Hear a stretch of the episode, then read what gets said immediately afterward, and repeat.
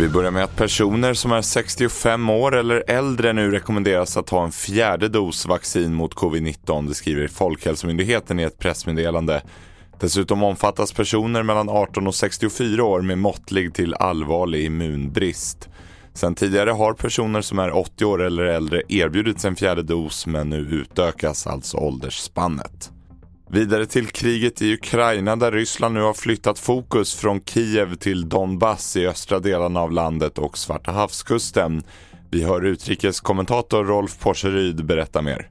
Expertisen tycks mena att de ska ta in så mycket de kan av Donbass och så mycket de kan av Svarta havskusten. Och därefter möjligen så kan Putin anse att vinsten är klar och man kan sätta sig till ett eldupphör och möjligen få igång någon typ av förhandlingar. Men det kan ta ännu ganska lång tid. Mer om utvecklingen i Ukraina på tv4.se. Slutligen något helt annat, för under pandemin har aktiesparandet ökat rejält. Då 2019 tog slut var drygt 1,8 miljoner aktieägare men när 2021 var över hade över 2,7 miljoner svenskar aktier i sin ägo vilket innebär ytterligare en rekordökning.